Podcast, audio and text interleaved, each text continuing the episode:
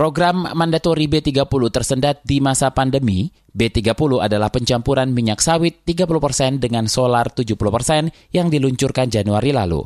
Tujuannya untuk menekan impor migas sekaligus sebagai alternatif bahan bakar ramah lingkungan. Selain situasi pandemi, program B30 juga menghadapi sejumlah tantangan mulai dari sisi teknis hingga potensi korupsi.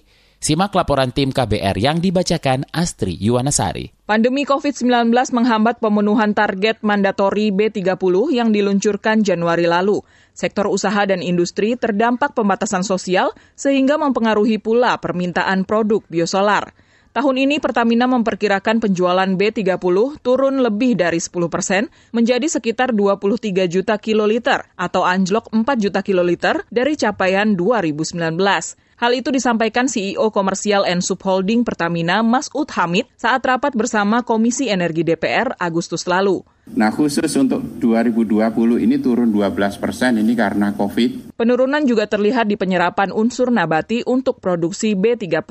Direktur Bioenergi Kementerian ESDM Andrea Febrimisna menyebut target yang dipatok diprediksi meleset terimbas pandemi. Per Oktober ini penyerapannya belum menyentuh 60 persen. Nah, angka 9,6 juta KL yang menjadi target kita ini memang kemungkinan dengan adanya pandemi COVID ini mungkin tidak bisa kita serap semua. Jadi kurang lebih mungkin ada pengurangan di kisaran 10 persen atau mungkin maksimum di 15 persen di angka 8,3 juta KL sehingga ini juga masih berada di atas target yang ditetapkan di tahun 2020. Sektor transportasi merupakan salah satu pengguna B30. Ketua Asosiasi Angkutan Darat Organda DKI Jakarta, Safruhan Sinungan, mendukung program ini karena bisa menekan laju pencemaran lingkungan akibat polusi. Namun ia mengeluhkan B30 membuat saringan bahan bakar atau oil filter cepat rusak. Alhasil pengusaha harus menggantinya saat kendaraan sudah mencapai kilometer tertentu. Maksimal di kita itu kan ada yang 5 ribu, ada yang 10 ribu tergantung lah. Kalau buat angkutan yang ke luar kota kan cepat penggantiannya. Rata-rata kalau di dalam kota juga rata-rata satu hari kan perjalanan angkutan umum ini yang memakai solar bus gitu ya. Antara 200 sampai 300 km tergantung eh, rute jarak ya. Syafruhan juga menggunakan campuran lain untuk mempertahankan performa mesin. Ia meminta pemerintah melibatkan industri otomotif jika ingin program ini terus berlanjut. Produsen kendaraan perlu mengembangkan produk khusus yang cocok dengan biodiesel. Jangan sampai apa yang diproduksi oleh Pertamina itu ternyata tidak cocok dipakai oleh otomotif yang ada di Indonesia dan juga bisa merepotkan nanti. Bisa juga merugikan Pertamina, bisa juga merugikan pengusaha angkutan kalau uh, memaksakan kendaraan. Meski dihimpit berbagai kendala, pemerintah berkukuh melanjutkan program biodiesel. Pada awal Oktober lalu, Direksi Pertamina mendatangi Komisi Pemberantasan Korupsi KPK untuk menjalin kerjasama mengawal sejumlah program strategis, salah satunya B30. Direktur Utama Pertamina Nike Widiawati mengungkap sejumlah persoalan yang perlu dipecahkan agar program biodiesel bisa berkelanjutan. Barangkali kami ke depannya dan juga sesuai dengan uh, program-program yang dicanangkan dari pemerintah adalah bagaimana kami mensecure dari supply dari uh, kelapa sawit ini agar program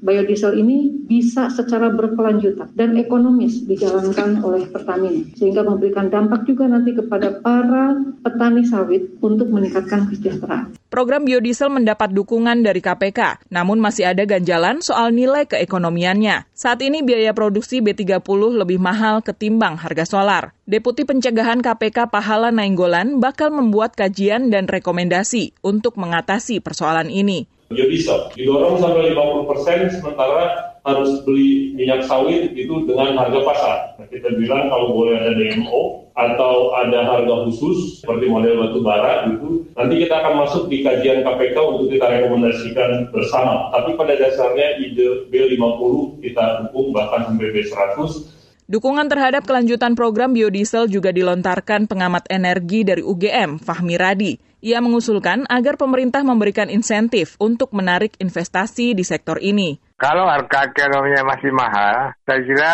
pemerintah dia harus berikan insentif kepada pengembang B30 tadi agar harga keekonomiannya itu dapat terjangkau minimal sama lah dengan harga BBM fosil. Karena B30 sampai B100 itu kan termasuk energi bersih gitu ya, tidak merusak lingkungan, maka itu harus digunakan. Nah di samping juga itu ya dengan penggunaan B30, maka di sini akan mengurangi impor, mengurangi ketergantungan impor, Fahmi meminta KPK dan Badan Pemeriksa Keuangan mengawal program ini sejak perencanaan hingga implementasi. Ia juga mengingatkan program biodiesel rentan dikorupsi lantaran penentuan harga tak mengikuti pasar, tetapi bergantung proses pembuatan produk. Saya juga mengkhawatirkan karena dalam proses B30 itu kan ada proses blending juga. Dan apalagi juga referensi harga itu belum ada, sehingga di situ juga berpotensi untuk dimainkan oleh mafia migas tadi gitu ya bentuk korupsi dan kolusi tadi.